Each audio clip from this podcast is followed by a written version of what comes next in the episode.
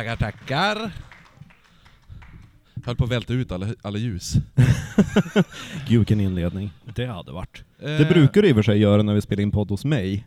Mm. Det är någon gång ditt skägg nästan börjar brinna. Ja, så kan det gå.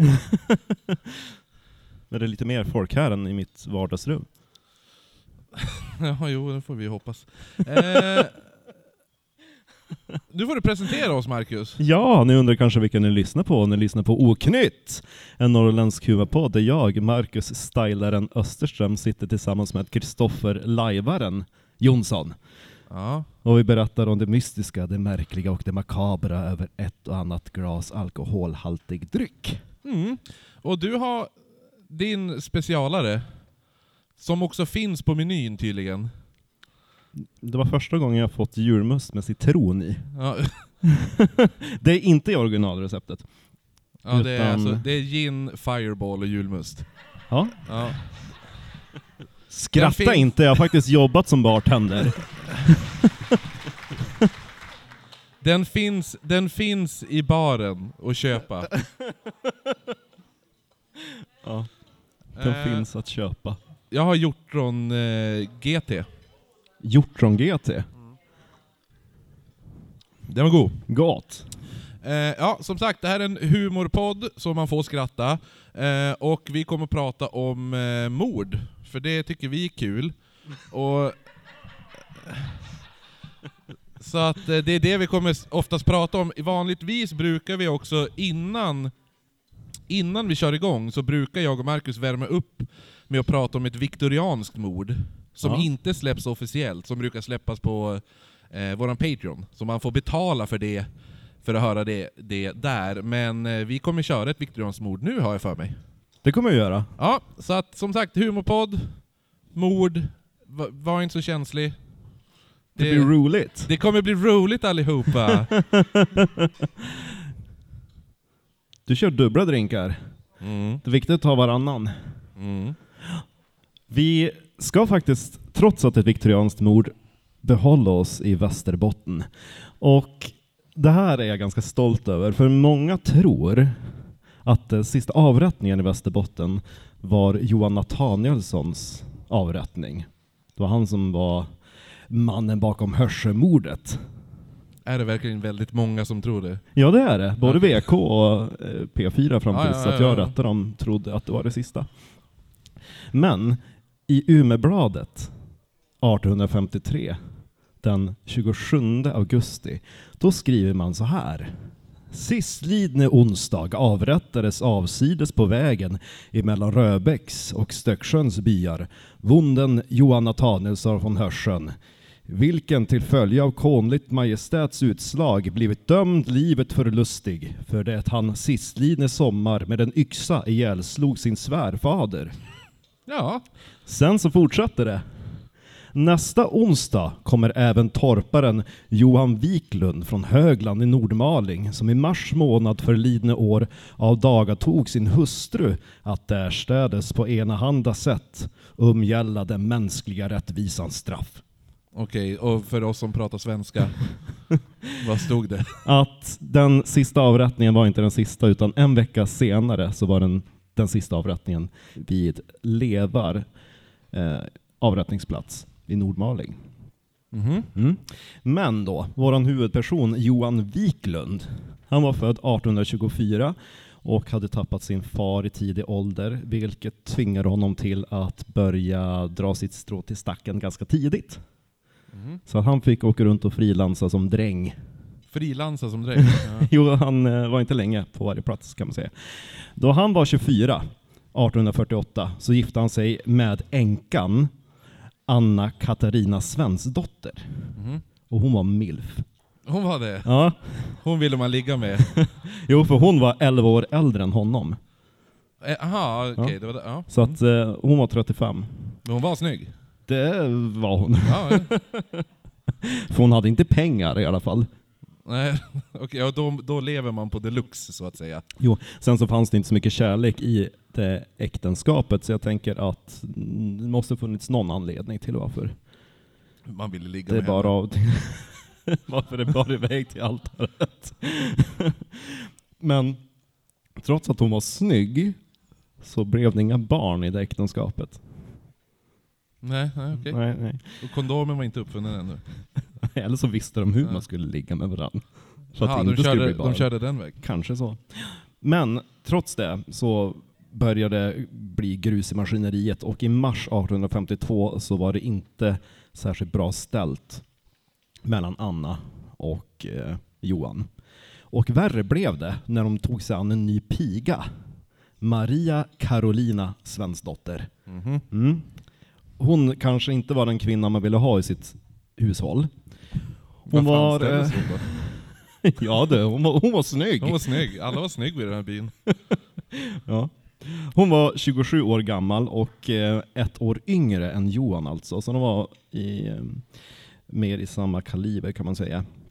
Hon var född 1825 och hade sin, sedan sina föräldrars död eh, vandrat runt om i Västerbotten och tjänat som piga på flera ställen. Så att man känner igen, de kanske bondar över sin gemensamma bakgrund som Frilansare. Jo, exakt. Eh, Hon hade väl kanske lite andra sidosysslor också, för 1848 så fick hon ett oäkta barn Mhm. som hon lovade bort till en släkting. Som säkert inte alls blir så glad. Här. Jag har en present. Ett oäkta barn! och hon var känd i socknen för att vara omoralisk och oärlig. Det känns som att alla kvinnor vart det direkt de fick ett oäkta barn. Ja, nej, men hon eh, hade också rykten om att, att stjäla. Så ja, hon måste ha varit väldigt snygg för att kompensera för alla de här eh, bitarna. Jo. jo. Mm. Och grannarna beskrev nu hur, hur hustrun Anna blev olycklig av Marias närvaro. För hon berättar att hennes man, som redan hade varit svår mot henne, blev nu ännu svårare. Svår mot. Ja, det var vad de skrev i Aftonbladet 1853. Så, Han slog henne. Ja, det vet jag inte. Men svår var han. Ja, då var han svår. Ja. Ja, han var jättesvår.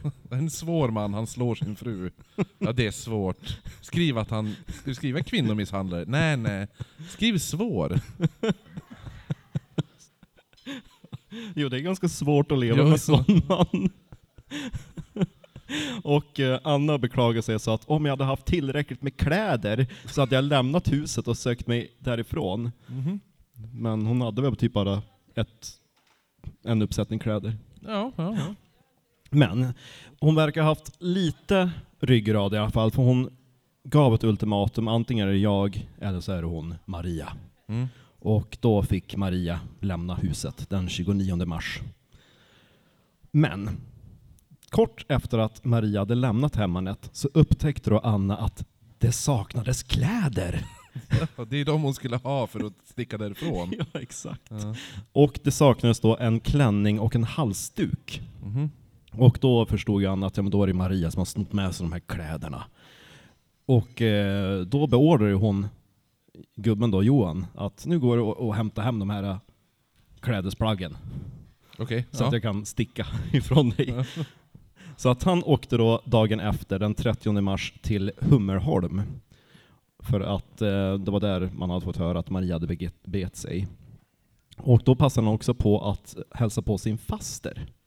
Som Mhm. bodde där med sin man och deras son. Alltså vart är vi? Hummelholm? Hummerholm, Vart är det? i Västerbotten. Jaha, okej. Ja, Låter som något stockholmskt. Hummerholm. Hummelgården. Ja. Det ligger inte alls långt ifrån eh, Högland. Mm. Men det ligger lite söder om Nordmaling, så att det verkligen typ i länsgränsen lite inåt landet. Jag får google-mappa det sen. Jo. Ja. Ehm, och eh, Johan hade då sökt upp Maria och pratat med henne under dagen.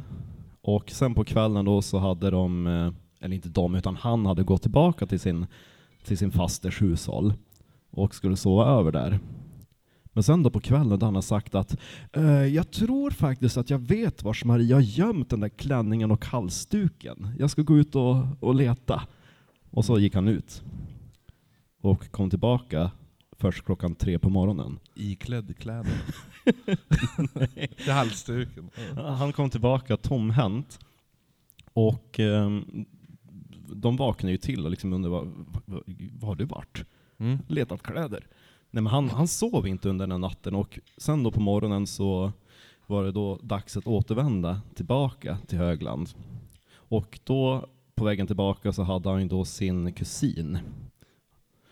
Och när de närmade sig eh, Högland så blev han väldigt olustig och orolig märkte man. Mhm. Och sen då när de kom till huset och gick till farstun, då hittade de Anna död där. Hon låg där på golvet intill en, en trefotskittel. Mhm. Ska, ja, du Ja, har jag, bild. jag har bild. Som är lite för stor, men ehm, det Hon finns... ligger där. Hon, hon ligger där. Så såg det ut, ungefär. Jag har Mm. ritat den själv. Tack. Och hon låg då nedanför luckan upp till vinden. Och stegen som var rest där var trasig. Utav de här sidobarkarna så var det en som fortfarande stod upp och hade rester utav pinnarna kvar. Mm. Så att åh, hon hade gått till, till vinden och stegen hade brustit och hon slog sig på den där kitteln som låg där nedanför. Mm. Och det berättas nu att grannarna i Högland vaknar av ett fruktansvärt ångestfyllt skrik. Och när de kom dit till, eh, till gården så såg de ju hur Johan eh, höll om liket efter sin döda fru. Mm. Så att all, hans kläder blev alldeles blodig. Han Sa det vad sa du? Hans kläder blev Ja, alldeles typ hans blodig. klänning. nej, han hade inte hittat klänningen. Nej, nej. Den var fortfarande borta. När han var fruktansvärt olycklig. Och ehm, strax därpå så förberedde han ju då liket inför begravning. Men nu började grannarna tycka att det var lite underligt, för när de hade kommit dit och han låg och grät över sin döda fru, så tittade de lite närmare på kitteln och den hade inget blod på sig. Och stegen såg inte heller ut som att den hade brustit under någon vikt, utan den såg sönderslagen ut. Mhm. Så att de kontaktade länsman Mm. Som kom och knackade på dörren Mm. och sa att jag hört att din fru har dött. ja, jo det stämmer. Hon skulle på vinden och, och stegen måste ha brustit hon föll på och landade på kitteln här. Jaha, ja ja. Logiskt. Ja, Hej då. jo, så gick det till. Så att länsman han stack och eh, Johan han åkte då till Nordmaling för att uppsöka prästen där för att förbereda inför begravningen. Och prästen tyckte det här var märkligt för han var nämligen den som hade skickat länsman. Han bara, "V- v- vänt, tänkte bara, men ska inte du vara typ i häkte? Ja. Ja, så att eh, han skickade tillbaka länsman. Bara gör om, gör rätt. Och eh, när länsman begav sig då tillbaka till Högland så var redan Johan på väg att dra sin fru till graven på Nordmalings kyrkogård. Men nu var det då bestämt... Dra, Va? dra sin fru till kyrkogården. Jo, det, det hette det. Jaha, okej. Men det var ju på... Det låter ju inte så snyggt. Nej, men det var i mars, det var fortfarande snö, så att det var ju på släden. Ja. Dra På sin... Skrana. Ja, jo, men, jo, det står inte beskrivet hur, men det stod att det var några andra med honom som skulle hjälpa till att dra henne till graven. Ja. Jag tror inte de hade någon häst, gissar jag. Ja. Men nu blev det då bestämt att eh, innan det skulle ske någon begravning skulle det först bli en obduktion. Och eh, när man gjorde den obduktionen så uppdagades det att, att Anna hade två sår i kraniet som då hade tillkommit utav ett slag eller en stöt. Mm. Och eh, när man rannsakade gården så hittade man vedyxan som var blodig och hade hår från Annas huvud. Ja. Och sen då, nu när man hade de här bevisen så, så erkände Johan alltsammans. Och grejen var nu att han hade ju haft ett förhållande med Maria. Jo, men jo. Ja, det har vi liksom. ja jo, det, det förstod ju alla. De hade legat två gånger. Oho! Ja, när, hon, när Anna var och hälsade på någon granne då, när de Ja. passade på. Och hon, Maria som sagt, hon var ju väldigt lömsk och lögnaktig och alltihopa. Så hon sa ju att hon hade jättemycket pengar. Så att om du har ihjäl din fru, Mm. då kan vi ju starta om livet på nytt, du och jag. Mm. Ja, jo absolut. Och eh, Johan har då föreslagit att eh, vi kanske ska ta, om jag, om jag slår ihjäl henne och så bränner ner huset.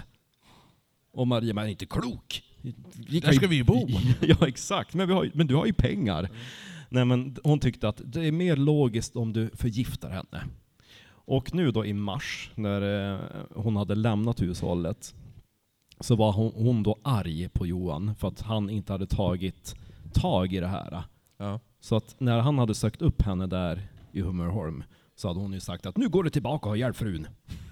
Så att det var det, Bestämd hon var. ja, så det var det han hade gjort under den natten. Han hade gått tillbaka i skyddet av mörkret till Högland. Och när han kom tillbaka så hade då hustrun Anna legat och sovit. Men hon hade vaknat upp och frågat eh, Hittade du den där klänningen och halsduken? Nej, nej, sa Johan, men jag tänker att eh, jag tror jag vet vars, vars hon har gömt dem. Det är bäst att du följer med mig så kan vi tvinga hon att, att visa gömstället. Aha. Hon bara, åh, okej, ja, hon gillade tydligen den här klänningen, så hon klev upp mitt i natten, klädde på sig. Medan hon höll på att bylta på sig ytterkläden så hade då Johan gått ut och hämtat yxan på vedbacken. Och när hon kom ut där i farstun så hade han då slagit henne med yxhammaren. Baksidan av yxan. Ja, över höger, sidan. Ja, över höger tinning. Så att hon hade till golvet. Och han trodde att hon var död och hade då börjat släpa henne över golvet mot vindsluckan när han hade liksom föreställt sig att det kan jag anordna den här fallolyckan. Mm. Men då hade de kvicknat till liv och suckat. Eh, herregud. Ah, åh. Lite så. Nej, hon hade suckat. Åh herregud. Och då hade han slagit henne igen strax över höger öra. Och då hade hon dött. Mm. Men han hade ju nästan ångrat sig på en gång efter han hade iscensatt det här, eh, den här olyckan. Och när han hade återvänt dagen efter och sett den här scenen i dagsljus, då hade han ju ångrat sig bittert och det där ångestfyllda skriket var äkta. Mm. Och vittnen sa också att han hade sagt att om jag kunde köpa henne livet åter med all världens skatter så skulle jag göra det. Och eh, i förhöret sen så hade han ju berättat att medan obduktionen pågick och utredningen utav eh, olyckan skedde så hade han gått till eh, Nordmaling vid kyrkvallen. Där hade Maria sagt att hon hade gömt 18 000 riksdaler. Det känns som hon hittar på ganska Jo. mycket. För i dagens penningvärde är det drygt en miljon kronor. Mm. Och Den ska jag också väl köra. Jo, jo, men jag har grävt ner en miljon kronor där borta. Och eh, det fanns inga pengar, men hon sa att hon hade snott dem från en herre i Umeå. Mhm. Och eh, Johan han blev då dömd till att eh, mista livet på galgbacken i Levar. Men eftersom Maria var kvinna så blev man lite mildare mot henne. Hon dömdes till livstid på tukthuset i Långholmen i Stockholm. På Långholmen. Mm. Mm. Och Johan han avrättades då den sista augusti Men tukthus, vad gör man där? 1853. Är det, är det som ett det är fängelse? Arbetsfängelse. Arbetsfängelse, ja, ja. precis. Exakt. Ja. Så där var sanningen bakom den sista avrättningen i Västerbotten. Mhm. Mm. Ja, Okej, det var uppvärmning. Ja! Nu får vi skriva om historieböckerna, hej! Hej! Ja, vi har ju, alltså tanken var ju, jag funderade på vad man skulle köra för obbola-koppling. Nu har jag skitit i det totalt, för typ den enda obbola-kopplingen det är att jag är från Holmsund. eh, så jag har hängt här, och så, har, och, så, och så finns Staffan Ling, han är väl härifrån? Nej. Är han inte? Ja. Han är inflyttad till och med. Dessutom. Obbola har inte en Staffan Ling. eh, eh, men, eh, så att jag, jag, jag har rest runt lite i världen. Men jag hittade en märklig historia som jag tyckte var ganska rolig. Eh, vi ska prata om Valburga Korschel. Va? Valburga kan man heta. Valburgare? Ja, föddes 1880, antingen i Tyskland eller i Milwaukee i Wisconsin. Ingen verkar veta. Eh, Det är ganska stort spann däremellan. ja, men någonstans där. Hon växte upp i Någonstans, där. Var är du född? ja. Antingen i Tyskland eller i Milwaukee. Eh, hon växte upp i ett fattigt hushåll och hennes föräldrar eh, kallade henne för Dolly. Förmodligen för att de märkte att man döper inte barn till Valburga.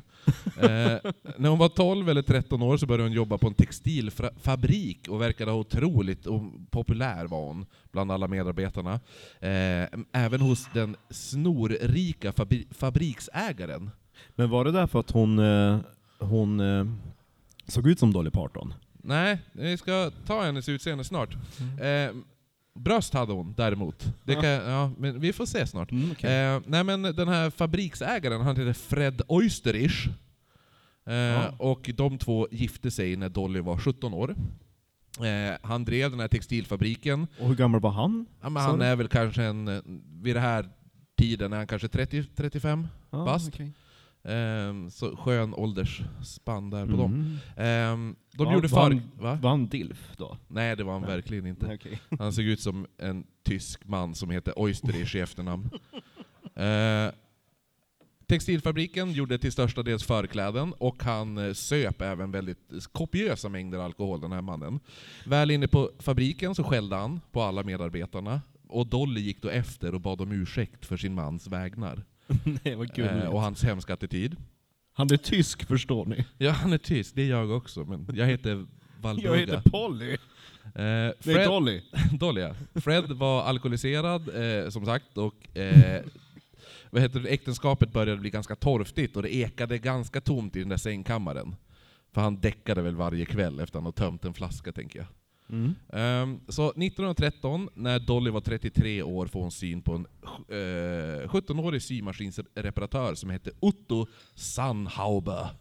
Sandhauber. Ja, väldigt tyska människor här. Jo. Eh, han var en blyg föräldralös pojke som blev ad adopterad av en tysk familj. Han var spinkig och blek och hade runda glasögon och knappt någon haka. Du Oj. vet den här när, när hakan ser ut som att den åker som inåt. Mm. När man står i profil så Det är lite Carl Bertil Jonsson, Mm. tänker jag. tänkte han fast sping- utan haka. Ja. Ja. Eh, så Dolly, för någon anledning, är väldigt intresserad av den här Otto. Men ändå ganska imponerande att vara symaskinsreparatör vid den åldern. Ja. Ja. Så hon skaffar mer jobb åt den här Otto på fabriken. Så Hon gick runt och hade sönder av symaskiner. Så då kunde hon ju börja lära känna den här pojken, och plötsligt en dag så går ju såklart Dollys egna symaskin sönder. Så hon bad då sin man att skicka efter Otto för att laga den. Eh, Alltså det finns en billigare och bättre symaskinsreparatör. ja, Som framförallt har 20 års erfarenhet. nej, nej, nej, nej, nej. Jag vill ha den där äh, spinkiga brillormen Ja. utan haka. Eh, så han knackade på, och Dolly öppnade dörren och iklädd då strumpbyxor och en silkesrock, inget mer. Men gud. Mm. Lite grann som Rose i Titanic tänker jag. Ja, eller hur? Och hon sa 'måla av mig' Sy av mig. Eh, så att, eh, men ja, alltså, öppna i strumpbyxor och silkesrock låter ju ganska hot på något sätt. Jo. Men, men om man tänker att Dolly egentligen då heter Valburga, och man föreställer sig en kvinna som heter Valburga, och man tänker hur en sån kvinna ska se ut, ungefär, hon ser exakt ut så. Valburga. Ehm, Mm. så hon lever upp till den bilden, jag har en bild på henne här. Okej.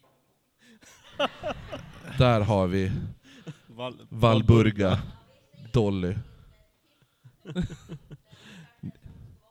ni, får, Nej. ni får ta en tur. Ta, en- ta en Eh, tur. Nej men så att Snart då var ju Dolly och Otto de var ett faktum, och de började då ligga med varandra på olika hotellrum runt om i staden. Där det fanns symaskiner. Ja, snart då började de skita i hotellet och började då ligga i Dolly och Freds säng, medan Fred var på fabriken där. Och ibland hade de sex åtta gånger om dagen. Men gud. Mm. Eh, grannarna började nu tycka att det var väldigt konstigt att symaskinsreparatören var där så ofta. Ja. Så, och tänkte, varför köper hon inte bara en ny symaskin? Så Dolly sa då till grannarna att nej, nej, egentligen är det här min luffande halvbror. Va? Ja, som ursäkt. Och alla bara jaha. För då är det lite mer okej att jag ligger med honom. För det är bara min nej, men de, nej, nej men hon menar ju att, eh, att eh, min luffande halvbror kommer på besök. Jo, men folk förstod väl att de vad de höll på med. Ja, tänker jag. jag. Tänkte hon förklara lite som Oscar i, i eh, Rasmus på luffen typ. Mhm. Ja, luffare. Så här. Paradis-Otto. Ja. Ungefär så. Eh, men när en granne då frågade maken Fred om den här luffande halvbrodern, så han fattade ju inte vad de pratade om. Och han konfronterade ju då Dolly. Och sa, vem är den här mannen som har varit här när jag har varit på jobbet? Och hon bara, nej nej, eh, det har varit en, en bokförsäljare här och försökt sälja böcker väldigt ofta. Och han sa, jaha okej. Eh, så för att slippa alla grannars skvallrande så kom Dolly nu på en plan. Otto Mhm. skulle säga upp sig från jobbet och flytta in på vinden hos Dolly och Men Fred. snälla. Ja. Eh, vilket han då gjorde. Som en, det är typ lite omvänt Fritzl lite grann. Ja, precis. Jo. Va- Vad heter? Valburga? Valburgas vind Ja. istället för Men han gjorde ju det, och ingången till vindsvåningen det var som en lucka i taket i garderoben i Dolly och Freds sovrum. Men gud! Där Otto fick en spjälsäng, ett skrivbord, en potta och ett stearinljus. En spjärs... Ja, och, och Otto satte då ett lås på insidan så att Fred inte kunde komma in. Ja. Mm. Så Otto han kom ju bara ner när Fred inte var hemma, eller när Do- Dolly signalerade att hon och Fred skulle lämna huset, och då kom ju Otto ner. Och det han gjorde då när ingen var hemma, det var att han städade och diskade, och så gjorde han olika gymnastiska övningar för att hålla sig i form. Mm. Dolly hon bar upp mat till Otto i form av tyskt rågbröd, mjölk, ost och leverwurst och även lite annan korv. När Fred var hemma så var Otto tvungen att vara helt tyst, alltså då varje natt. För han bodde ju då ovanför sovrummet där Fred låg och sov. Jobbigt om han snarkar. Nätterna spenderades med att läsa science fiction-böcker vid skrivbordet och där det enda då stearinljuset stod. När han inte lyckades spendera nätterna med att läsa så skrev han egna berättelser. Som, ja, som han även lyckats få publicerad över en pseudo- pseudonym. Imponerande. Ja. Ja. Och det här är nu Ottos vardag i fem års tid. Men gud! Under Hur många böcker hann han ge ut? ja, ett, ett, ett par böcker faktiskt. Hans Ja. pseudonym var Jules Verne. Eller hur? Världsomsegling under havet, skriven i en vindsvåning hos Valburga. Ehm, så under de här fem års tiden, då började ju Fred, han började ju tro att han höll på att bli galen. För han började ju höra ljud om nätterna från Men vindsvåningen. gud vad creepy. Hans cigarrer försvann hela tiden. eh, men eftersom han var ganska alkad så var det ganska lätt för Valburga, eller Dolly då, att säga Jo men du rökte ju upp det för några dagar sedan när du var full. Och han bara jaha, ah, jo men du kanske har rätt. Men Och han, men jag har varit nykterist nu i tre månader. Nej det har han verkligen Nej, inte varit. ja. Han krökar hårdare än oss två. Eh, men till slut då vill ju Fred, han vill ju flytta nu. Han ska flytta till Kalifornien. Eh, någonting ska bli väldigt krångligt då Dolly har en sexslav på vinden. Så, men hon går, hon går med på att flytta så länge det nya huset har en vindsvåning. Det går inte med en källare. Nej, Nej. nej, nej. Vinden ska det vara. Eh, så att de, det, det är inte så himla lätt heller att hitta Alltså husen i Kalifornien på den här tiden var inte många hus som hade vindsvåning, men de hittade ett till slut. Eh, Så så hon skickade då iväg Otto i förväg med möblerna. Så att, ja, för de, ja men vi skickar möblerna i förväg så att de är där, och då sitter ju Otto med på den transporten. Och han knatar ju upp på vinden och gör sig hemmastad. Han bara, varför är det en spjälsäng här? Ja, men det kan vara bra att ha. Ja. Om Eh. vi får barn. Den här vinden var ännu mindre, det beskrivs senare som ett litet kyffe. Nu blir det lite Harry Potter över det hela. Ja, Otto är nu 22 år. Han har ju bott Ja, just det. Ja. Eh, inne på vinden nu har han en madrass, en potta och en oljelampa. Inget mer.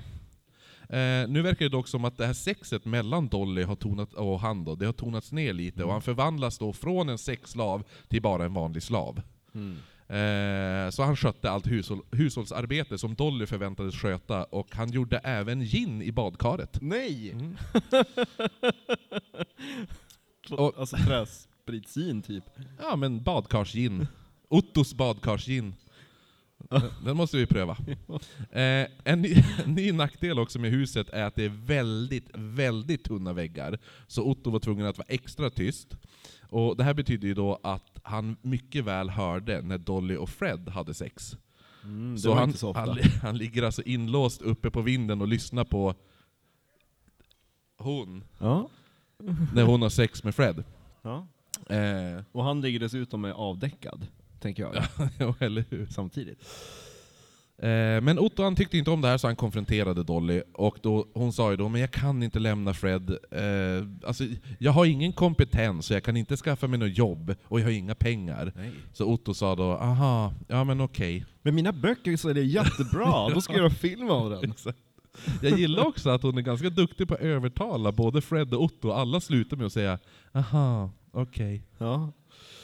Hon, hon hade pondus tror jag. Ja, jo det såg vi ju. Jo.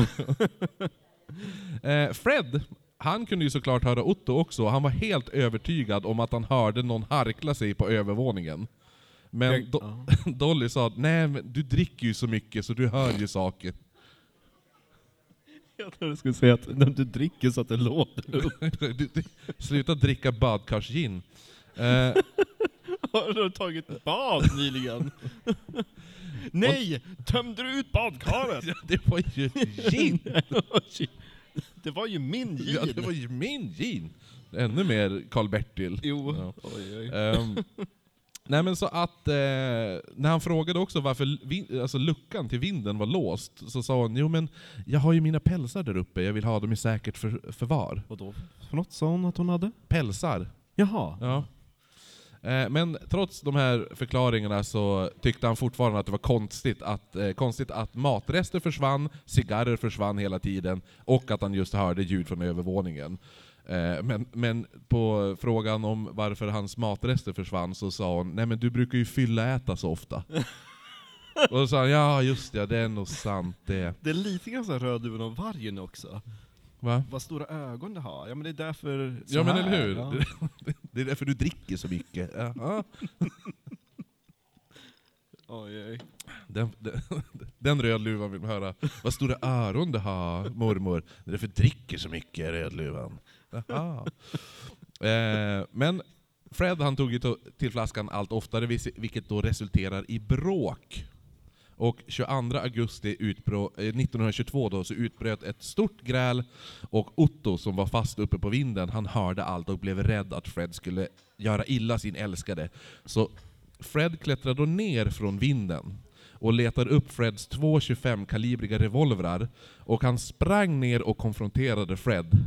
Som självklart blir väldigt häpen över att se symaskinsreparatören Otto, som han inte sett på snart 10 år, Ja. stå i deras hus i Kalifornien. Med två revolvrar. Ja, och det värsta är att Otto, eftersom han har suttit på den här jävla vinden, så var han otroligt blek, för han har inte vistats utomhus på flera år.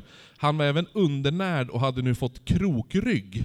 Uh, så det var Gollum som kom. Ja, lite så här beväpnad Nosferatu, du vet. Den där, med Med så rund... långa symaskinsfingrar. Ja, med, Ja. och så runda glasögon. Ja, Ja. en... Karl-Bertil och Nosferatu. ja. Eh, och Fred... hade, han- hade han snängkappa? Nej, det hade han inte. Eh, Fred, han sa då eh, What are you doing here you dirty rat? Då tänker jag också lite grann Peter Pettigrew. Vem? Peter är det något. Harry Potter-grej ja, här? Exakt. Ja. Ja. Eh, och Otto svarade med att avfyra sina vapen och han sköt Fred två, två gånger i bröstet och en gång i huvudet och Fred dog omedelbart. Eh, Dolly och Otto de bestämde sig då för att vi måste få det här att se ut som ett inbrott som har gått, alltså, gone awry, eller vad man ska säga. Så de tar då av Freds klocka som har massa diamanter på, de välter omkull lite möbler och sen låste Otto in Dolly i en garderob. Och så kastade han nyckeln i hallen och sen smög han sig upp till sin vind. Men han kunde inte gömt sig typ i skogen? Nej. Och de kommer och gör typ såhär Han, rannsaka? han är ja. trygg på vinden. Jaha. En granne som hade hört skotten hade ringt polisen. De, Bäst av allt är om, om, om han gör det, och så är hon inlåst i garderoben, och så kommer inte någon. För de känner inte någon. nej, eller hur? Ja. Så sitter de där inlåsta. ja, nej men det kom en, det var en granne som hade hört skotten. Han hade ringt polisen och eh, de anlände då till huset där de fann Fred död och Dolly avsvimmad i garderoben. Eh, de tar henne till polisstationen där hon berättar att hon hade kommit hem, hon skulle hänga av sig sina kläder i garderoben när någon knuffat in henne och låst dörren. Eh, polischefen Klein, han var väldigt tveksam till den här historien. Enligt honom så skulle en rånare aldrig använda sig av en 25-kalibrig revolver eller pistol. För han ansåg enligt honom att det är ju ett kvinnovapen. Ja. Ja. Men också för att Fred och Dolly Men det var ju min mans... vapen. Vad sa jo, du?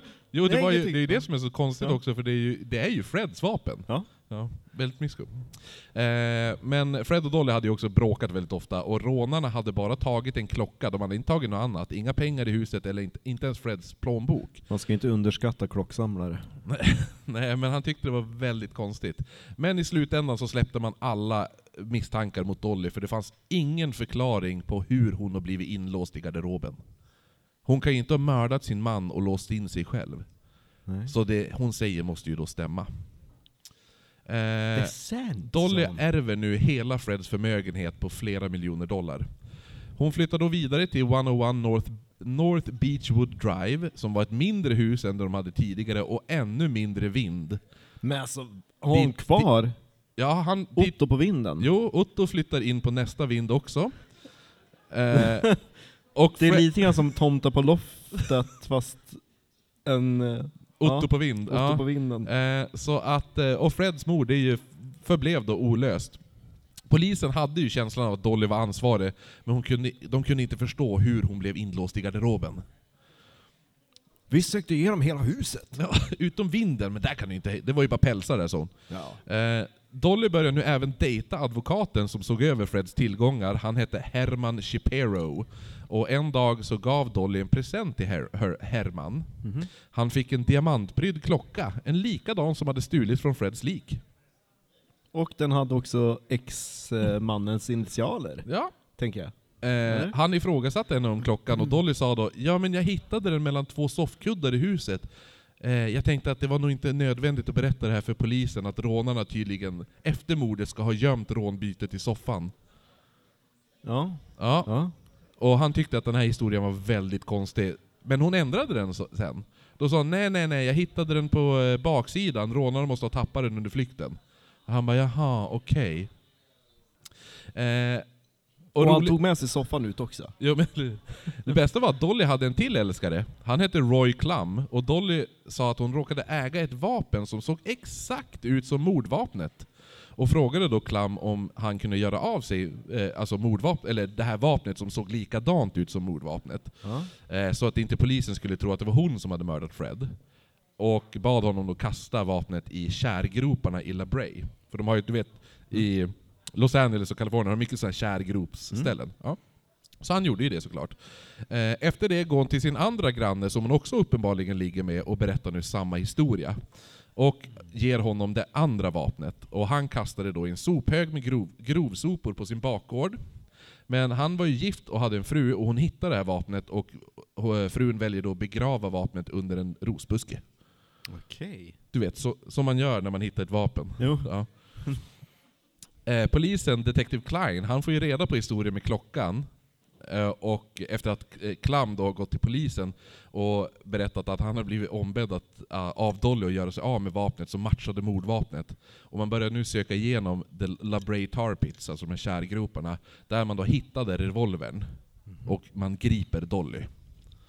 Men dagen efter då så läste den andra grannen huvudnyheterna om den här pistolen som hade hittats, eller revolvern. Så, Doll, eh, så han går ju då och gräver upp vapnet under rosenbuskarna och går till polisen. Och nu tänkte alla poliser bara nu, nu är hon fast, nu är Dolly fast. Ja. Men då ena vapnet legat i typ flytande asfalt i 11 månader och det andra vapnet har legat under en rosenbuske, så har ju båda vapnen förstörts så pass mycket att man kan inte knyta dem till mordet. Ah. Eh, och Dolly hon vägrar svara på polisens frågor. Då kommer ju Herman och hälsar på medan hon är i häktet. Dolly tar då Herman till ett av hörnen i rummet, besöksrummen där. Och hon ser tydligen för helt förskräckt ut och hon viskar då till Herman så ingen annan skulle kunna höra och det hon säger var ”He is there”. Och Herman frågade vad pratar du om? Och då säger hon så här. My vagabond half-brother is in the house. Nobody must know it. Don't be afraid. Go to the house. Go to my room. And to the closet. And drum on the wall with your fingernails. And then he will appear. Men Don't gud. be afraid of him. He is innocent. He will not harm you. Som att hon har någon jävla varelse Jo. på vindsvåningen. Mm. Eh, så Herman han tar sig då till huset. Eh, han knackade inte med fingrarna som han, hon bad han, utan han ställde sig och visslade. Ja. Ja, när han står och visslar då, ner från vinden kommer då den bleka krokryggiga Otto som, ställ, som hoppar upp och sätter sig på en hylla och säger Hello Herman, don't be afraid of me. Men alltså, ja. Eh, Herman, han tittar då in på vinden där, där Otto kommer ifrån och han ser vinden är fullt av hans gamla saker som han har kastat bort. Så förmodligen har ju Dolly bara gått och samlat upp saker och dumpat dem där uppe så att Otto ska ha någonting Att göra. att göra där uppe.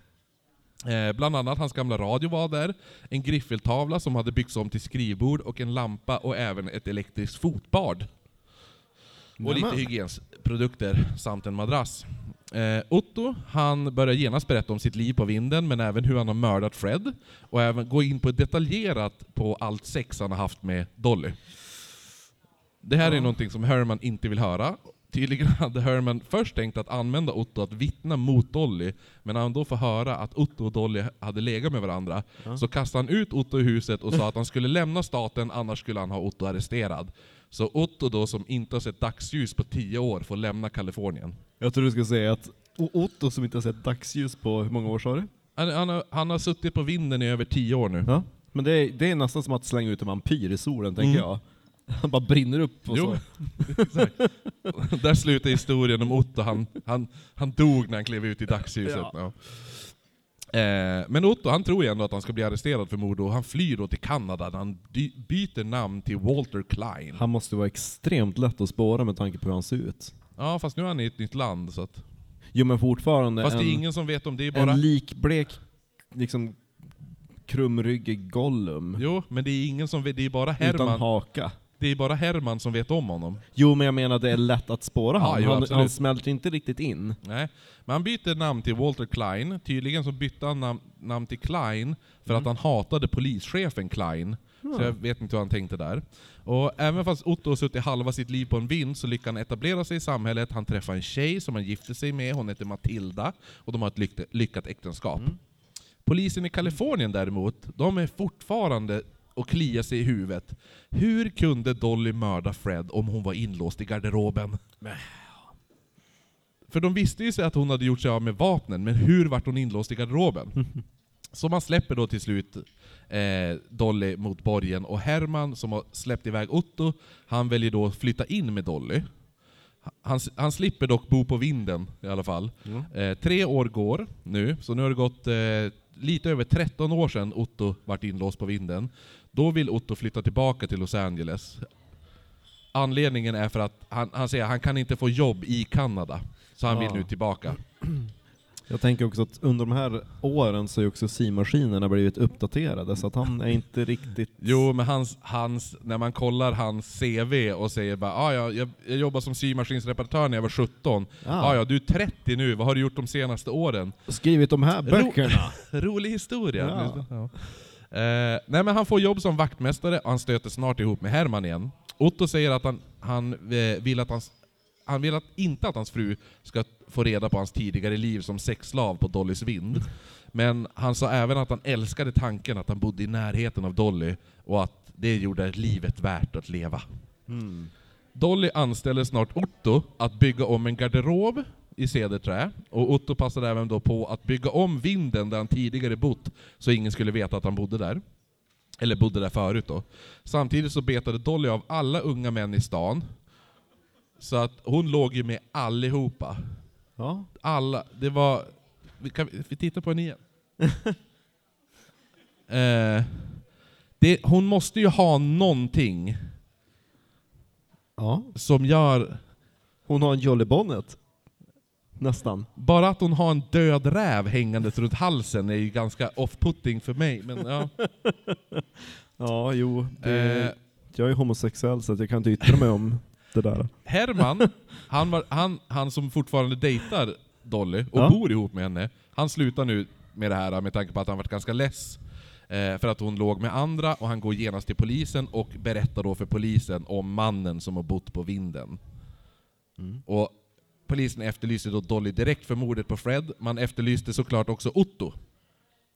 Eh, Otto han skyllde då allt på allt och alla, och han sa även att han hade blivit förhäxad av Dolly, och han kunde inte komma ihåg någonting som har hänt innan 1929.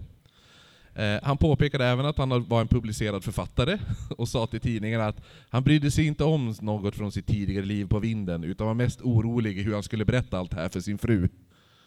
Ja. Det är ganska Ja. stor eh, såhär, känga att kom, eller vad man ska säga. Bomb to drop. Ja, bomb to drop för sin fru. Just ja, innan dig Ja. har jag en Jag bodde på ett märkligt ställe. ja. Nu ska du få Det är höra. lite lustigt, ja. Eh, polisen Men jag gjorde jävligt bra science fiction. eller hur? Polisen stormar genast de två senaste vindsvåningarna och letade efter bevis. Och Stormar de? Ja, de bryter sig in. Det bor ju folk där. Ja, just Ny-. Nytt folk. Så de stormar in, springer upp på vindsvåningarna för att leta bevis. Och tidningarna får ju då såklart reda på det här. Och man döper det hela för The Batman Case. Mm. Eh, för fladdermöss bodde ju oftast hos folks vindsvåningar. Mm. Och det här var alltså innan alltså serie, innan serietidningsfiguren Batman ens var påtänkt. Så ehm, snart då blev, så, så Otto är ju the original Batman. Ja. Jo, Men jag tänker också att han typ sov upp och ner. ja, så, just för att han ser ut som Nosferatu Ja, också. jo. Dolly, eh, nej, Du har ingen bild på... han kommer. Oh, han kommer! Snart blev Otto och, Do Otto och Dolly det blev... sa, det sa Dolly också. Ja, Han kommer. snart. Eh, Snart. de blev ju förföljda av folkmassor, många av de här personerna var reportrar från olika tidningar som beskrev Dolly som en vamp och förförerska. Och Dolly blev arresterad, så vägrade hon svara på frågor, men Otto han pratade ju glädjeligen på. Eh, Dolly, slä- Han har Dolly, inte fått prata med någon på typ 15 år, så han, hur? Är, han är glad. Dolly släpptes mot en borgen på 25 000 dollar, och hennes rättegång skulle då ske efter Ottos rättegång. Ottos advokater menar att han hade blivit hållen som sexslav och flydde. Eh, eller han flydde inte för att han var rädd att Fred skulle mörda Dolly. Dolly. Och Otto menar att ja, han var inte skyldig för mord för han var galen vid tillfället. Alltså, reason of insanity. Eh, man målade upp... Är det någon man kan tro är galen så är det väl han. Ja, ja, jo. Man målade upp Otto som en oskyldig 17-åring, men personen i rättssalen var inte en 17-årig man man beskrev. Det var den här personen. Oh, nu kommer han. Åh. Eh, det är en medelålders man med nervösa ryckningar, och det här var vad han sa om sitt liv på vinden. Han ser väldigt vänlig ut. Jo, jag tänker det också. Det här sa han om sitt liv. They love to sleep, uh, they love to sleep clean, and I made up the beds for them, and I put away their clothes, and dusted Fred's clothes, because I had some he had some beautiful things, and I would keep them in order for him, and dust them, and dust his shoes, you know, so he would look neat always. And then I would wash the dishes, and if he wasn't home, and and he, if he was home, he would he would wash them, and Mrs. Oysterish would dry them because I couldn't. and I would get the vegetables clean, and they were clean. Everybody praised her how clean things were, and I would scrub the floors and kept it clean and kept the floor neat. You know, she loved to have a beautiful floor and dusted it. You know. Han låter ju lite grann som mössen i Askungen. Ja, eller hur? Jag tänker det också. Ja. Eh, så det, ser det känns som han ser att- lite musaktig ut också. Det känns som han bara, bara städade åt dem, och jag undrar också, Men han var, han var väldigt stolt över sina blanka grönsaker. ja men hur städar man grönsaker? Det, ja du. ja. När de frågar om flytten mellan vindsvåningarna, hur det gick till, så sa han bara att han var panikslagen hela tiden, så han mindes knappt någonting. Han kunde inte ens mäta tiden. Han sa att han även ibland blev tvungen att hungerstrejka för att få sin vilja igenom. Eh, någonting han var väldigt bestämd, alltså om, om det var något han var väldigt bestämd över. Han sa då att Dolly ibland blev så less på honom att han fick sin vilja igenom. Eh, juryn fick då se båda vindsvåningarna och Otto fick även visa hur han tog sig in och ut från vinden i de olika husen. Åklagaren menade att Otto var vad han beskrev som en subhuman och som då kallblodigt mördat Fred medan advokaterna menar att han, hade, att han hade blivit groomad av Dolly. Oj. Herman, om man kommer ihåg han, han blev inkallad som vittne men han dök aldrig upp så han eh, satte sig ut en efterlysning på. Och tydligen så ska man ha hört en massa diskussioner från juryrummet, men till slut så kom de ut och Otto dömdes för dråp. Eh, dock hade preskriptionstiden löpt ut för dråp eftersom det gått över sju år sedan mordet begicks, så Otto går då fri. Hmm. Eh, efter det så blir Dolly åtalad och man blir tvungen att ta in förstärkning för att trycka bort alla åskådare. Man skjuter även upp rättegången då Dollys advokat fått en ögoninflammation. Men när man väl drar igång rättegången så sitter Dolly och gråter i rättssalen, men hon kunde inte svara på frågan om varför hon låst in sitt KK på vinden. Och juryn kunde inte komma överens om dom, dombeslutet. Man vet dock att alla kvinnor som satt i juryn ville döma henne för mord. Oh. Så att det var ju några, de som vill, i- ville fria henne var ju då män. Så att hon har ju någonting Ja. som, ja. Så Dolly släpptes och hon hittade då en ny kille som heter Ray Burke Hendrick. Och de bodde ihop i 30 år innan de gifte sig. Dolly dog två veckor efter brö- bröll- bröllopet och överlämnade då Freds miljonarv till den här Ray. Eh, Rays exfru stämde då Ray för, för att han var gift medan han hade börjat ligga med Dolly. Eh, och då stämdes då för heartbalm. vad hon åtalades för. Mm. Typ, du stal min mans hjärta så du får betala. Men hon slapp betala det. Det har vi förresten en till Dolly Parton-anknytning. Det är lite Jolene. Ja, eller hur? Ja. Ja. Eh, Dolly vart även stämd av Herman, eller Herman som vi Mm. har sagt, och han eh, som var anställd som advokat för att re reda ut en brand i en av textilfabrikerna. Men när det visade sig att, att eh, textilfabriken inte var försäkrad så fick han inte heller betalt och han krävde nu ut pengar för det här. Men dom, domstolen sa nej, och slutligen så slapp även Otto fängelse. Man beskrev eh, då Pressen beskrev honom som en sexuell galning och när han var 44 år så lämnade han den så kallade Batman of California. Han lämnade staden och ingen vet vart Otto tog vägen efter det. Oh. Så det var historien om Otto på vinden. The original Batman. Original Batman. Jag Ja. tycker det är ganska trevligt. Ja. Ja. Det var mastigt. Men inte så, inte så mycket obbola. Nej, Nej. det är därför de har... De, de måste börja mörda folk mer här i Obbola. Det är lite för sent för det. Ja, Tycker, ja. ni får skärpa er. Eller spärra in folk på vindar. Ja, eller, antingen mörda eller...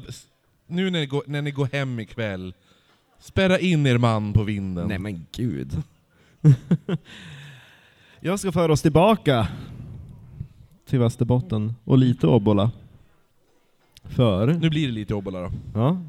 Och så blir det en båtpodd. Mm, Marcus gillar ju båtar. Ja. Är, han- han, vill ju att det här ska egentligen vara en båtpodd. Men, ja. Är en ornitologpodd. En vad? Ja, Orni, ja, ornitologpodd, ja, exakt. min Ja. dröm ja. Jo. Kristoffer dömde att jag hade startat en ornitologpodd som hade blivit sponsrad med mycket bara. Flera miljoner var det. Nej, det var ju typ så här 400 000 spänn eller Ja, där. ja. Du hade gett ut en bok och alltihop. Det var en väldigt konstig dröm. ja, det var en väldigt konstig dröm. Jag ska berätta om Sveriges första ångfartygsolycka. Mm. Sveriges första? Ja, Oj! det är lite märkligt, eller liksom häftigt att ändå ha en anknytning till de här farvattnen. Hur långt bak är vi nu? Vi ska tillbaka till mitten av 1800-talet. Mhm. Norrländska ångfartygsbolaget, Oj. som grundades i mitten av 1830-talet, beställde 1855 eh, under huvudredare Lars Glas Lars Glas. ja, en propellerångare. Och den här ångaren byggdes då på Motala varv för en budget på cirka 10 miljoner kronor i dagens penningvärde. Och det här var ett eh, imponerande bygge. Det var en stöddig båt. Hon var 44 meter lång, 6,6 meter bred och hade en tvåcylindrig motor med 70 hästkrafter. Mhm. Mm. Det, säger, det låter imponerande, jag har ingen aning vad det här är. Nej men det, på, så tänker man att det är 100, Jag- över 150 jag är- år sedan. Jag är så himla duktig så när min morfar frågade mig hur djupgående en båt var så sa jag jo men man kan stå i den. Så att, eh, ja, ja, det där, ja. Den här Men det låter mer- mäktigt. Jo, det var väldigt mäktigt. Särskilt när ångfartyg var väldigt sällsynta och eh, visserligen så hade man ju flera varv i Västerbotten som var liksom på sin stora peak. Men nu behövde man en, en ångare Mhm. och det hade vi inte kompetens för att bygga utan det byggdes då på Motala varv. Och eh, den blev då färdig eh, 1856.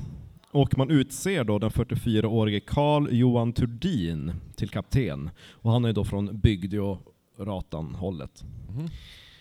Och Vad var de sa i Creepypodden om Ratan? Rattan. Ja, Rattan ja. Och Seivar. Och Seivar. Ja. Mm. Och vad säger de om Hummerholm? Det låter som Stockholm. Stockholm. Ja.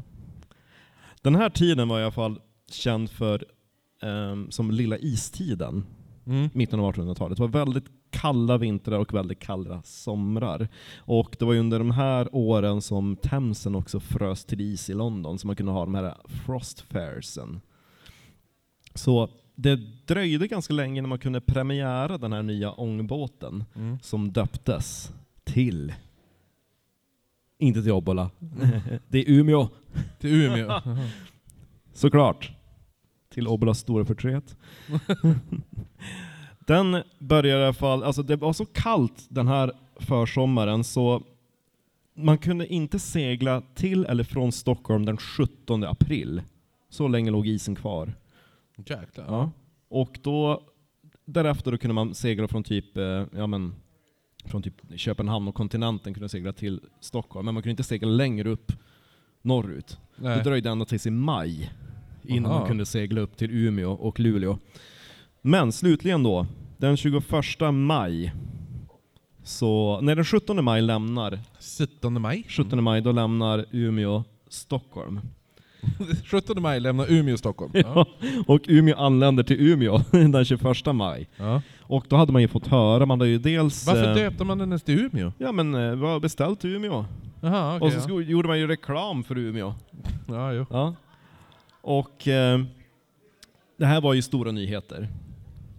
Imponerande bygge som skulle komma.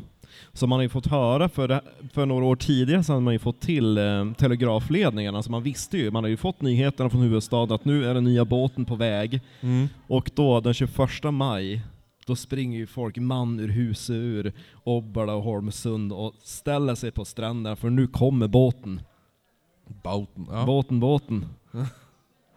Och under stor ceremoni så anländer då den här nya ångaren till hamnen.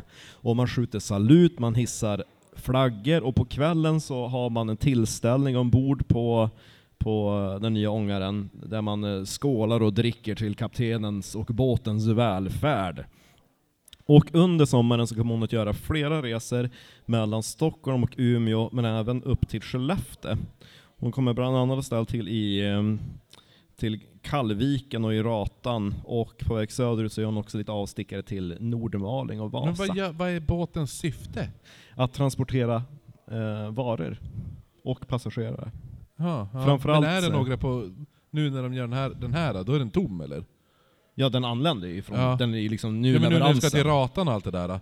Är det folk på den då? Ja, men den åker ju och hämtar både gods Ja, och passagerare. Ja. Ja. Men det lät bara som att den gjorde en jävla tur, och alla stod och drack, drack och... Åh, här nej, kommer nej båten! men utan under sommaren sen då när hon sattes i trafik, då var det den här rutten hon åkte. Okej. och plockar upp eh, gods och, och passagerare som skulle ner till Stockholm. Så det här var ju under sågverksepoken, så det var ju mycket trafik upp till Norrland. Mm. Och man kunde inte åka segelbåt, det tog ju så lång tid. Ja. Nu du, nu kunde man åka. Och det här var lite kul, det här var innan första, andra och tredje klass fanns. Så om man åkte i första klass ombord på Umeå, då hette det salongspassagerare. Salongsberusad. då hade man en egen hytt. Mm. Och ehm, det har vi nämnt tidigare när vi pratade om White Star Lines första katastrof. Mm, Titanic. Ja. Ja. Nej, det var inte den första katastrofen. Nej men det är, White Star Line är Titanic. Rederiet ja. till Titanic. De hade ju en, en, en eh, de, de är inte helt fläckfri, de hade ju fler katastrofer före Titanic. De hade ju en, eh, en ångare som, eh, som gick om, på ett grund någonstans vid eh, Var inte de som Nova krockade, krockade med norskarna? Nej. Nej. Uh, nej, det, gick, på- det var en båt som gick på grund utan någon- för Nova Scotia och de hade också det här passagerarsystemet Mm. med salong och um, steerage, heter det på engelska, jag glömt bort vad det på svenska. Men då var det så att eh, de som bodde i, i salong hade ju som sagt egna hytter. Mm. Tredje klass, den andra klassen, då var det mer typ så här gemensam sovsal med hammockar eller någon säng. Och eh, man åkte då fram och tillbaka under sommaren, bland annat den första turen den 26 maj återvände man till Stockholm och ombord så hade man landshövdingen ifrån Västerbotten, landshövding Montgomery, som skulle ner till Stockholm. Het- het- Han hette Montgomery? Jaha. Ja. Burns. Nej. Nej. Vem? Va? Vet du inte vem Montgomery Burns är?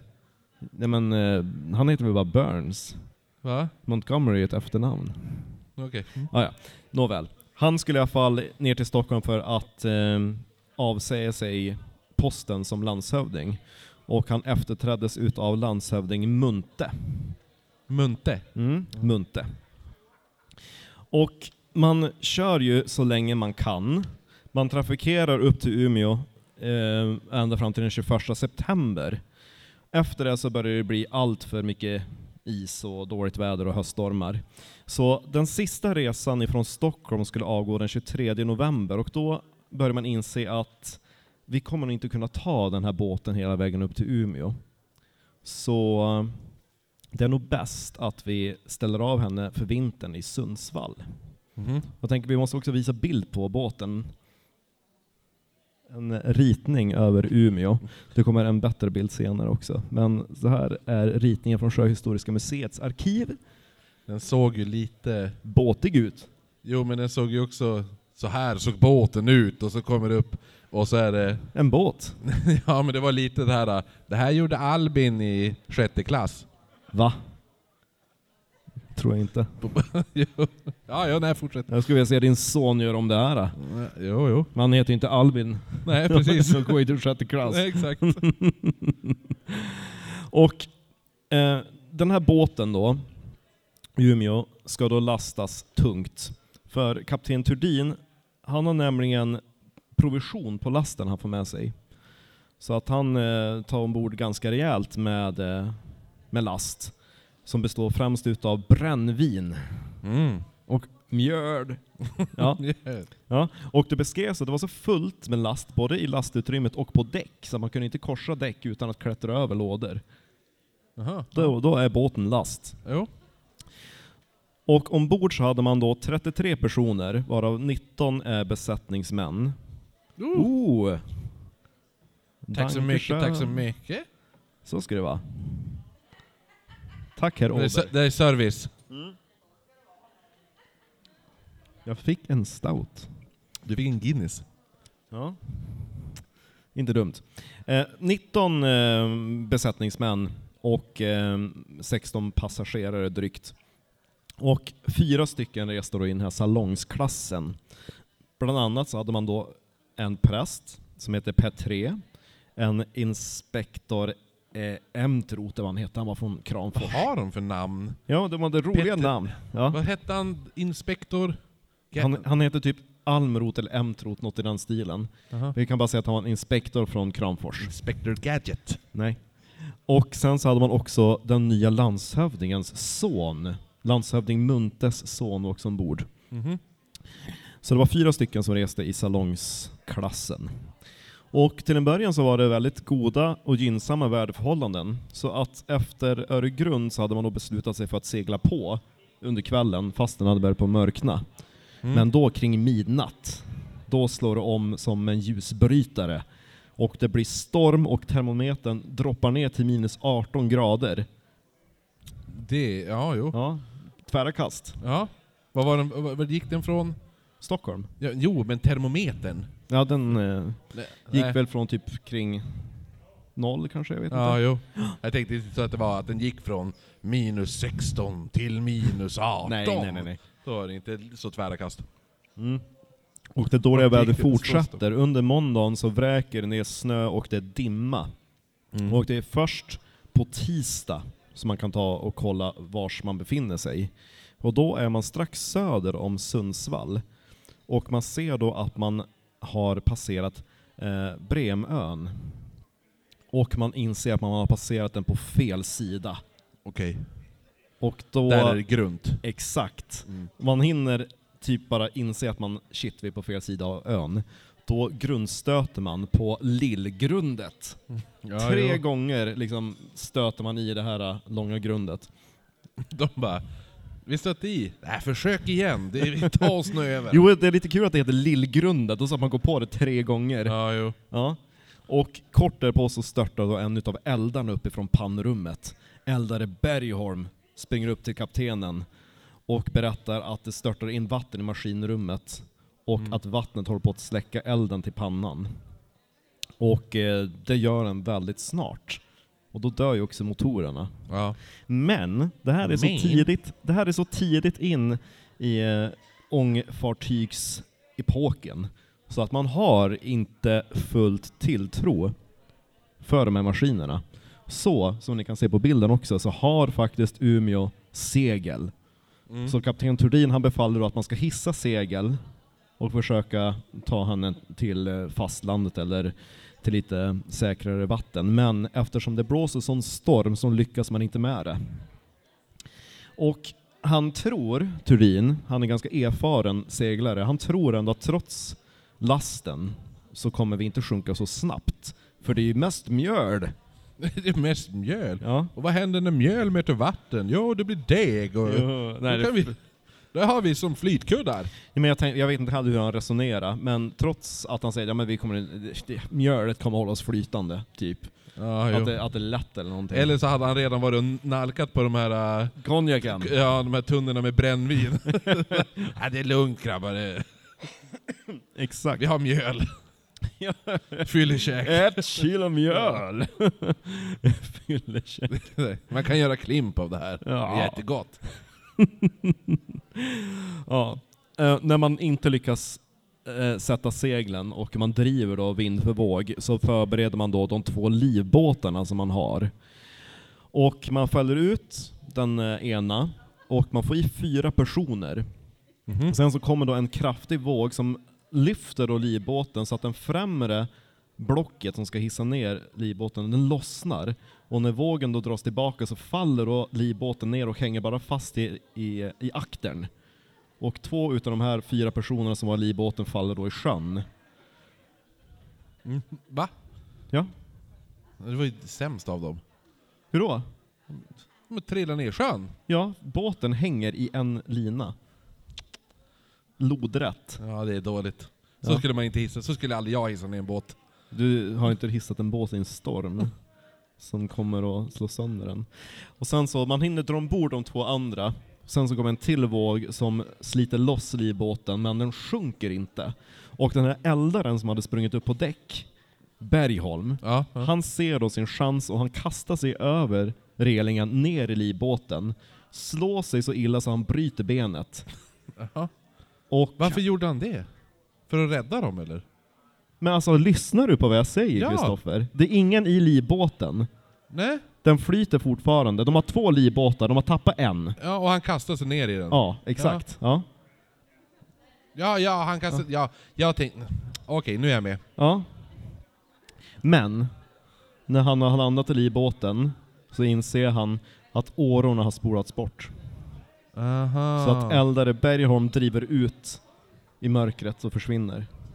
Såg man han igen? Eller försvann han va? Ja, det kommer tillbaka till Bergholm. Ja.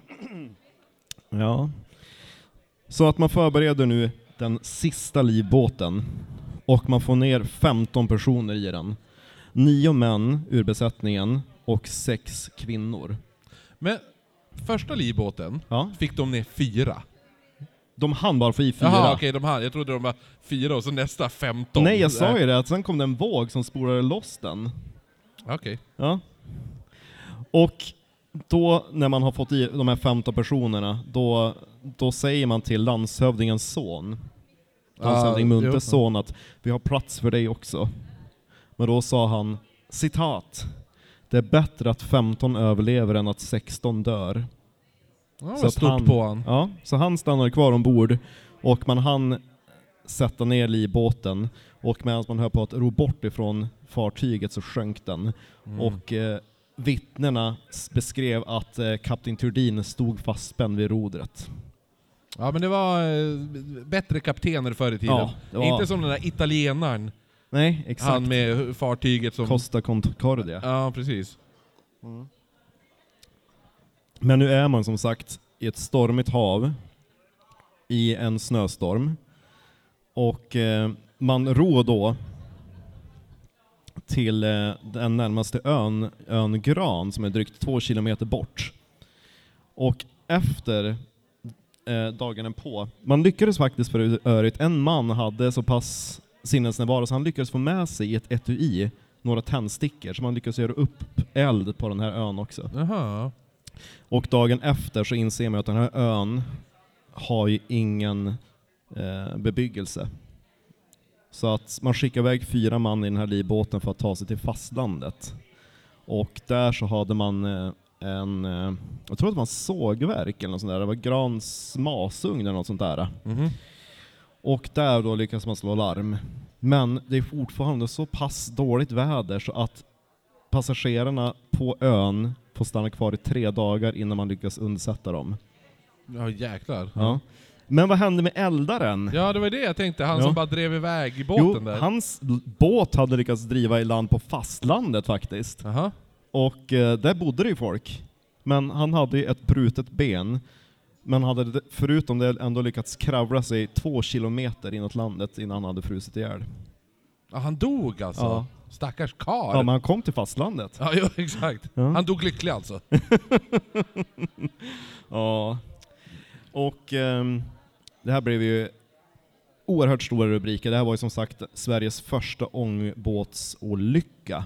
Och man samlade ju in enorma mängder pengar till de överlevande. Mm. Den här prästen ombord, Petré, han efterlämnade sig eh, sju barn Stackarn. och en fattig hustru. Men det är lite lustigt att han hade råd att åka i första klass då. Han har, ja, jo, det, det är därför hon var en fattig hustru nu. Ja, Han hade lagt alla pengar på första klassbiljetten. Ja. Och eh, man... Eh, du kan för övrigt byta bild nu också. Här ser, det, här finns, det här är den enda samtida illustrationen utav eh, Umeå. Det här är från då förlisningen, en, Ja, det står ju till och med Umeå. Där. ja, en illustration som publicerades i eh, december det året. Den där äh, båten ser ju bättre ut än den Albin ritade i alla fall. Jo, den här eh, publicerades i Illustrerad ju. tidning. Där är han, ja. ja. Där är han ju, vad exakt. heter han? Galningen. Bergholm. Ja. i sin livbåt. Men den här olyckan i alla fall gjorde att man byggde upp en fyr redan nästa år på ön där för att vägleda fartygen. Mhm. Och det blev också stora debatter om hur många livbåtar man skulle ha ombord, för två stycken var ju typ inte tillräckligt. Det känns ju som man ska ha livbåtar som täcker personer på båten. Jo exakt, Ja. men som vi vet så blev det inte av, för när Titanic sjönk så hade man ju fortfarande inte lagställt det. Mm. Och nu hade historien kunnat vara slut, men nu är det lite oknyttigt kring det hela. Okej. För Umeå sjönk ju som sagt med mängder utav konjak ombord. Ja, jo. Och lasten var väldigt värdefull. Så redan nästa år, 1857, då började man planera för hur man skulle bärga Umeå. All sprit. Ja, exakt. Och det var då skeppsbyggarmästaren Willehard Sandström från Härnösand som skrev till verket. Och han konstruerade en tidig form av ubåt. Hans, hans farkost beskrevs ha utseende utav ett ägg som var byggt i gjutjärn och vägde 3,4 ton.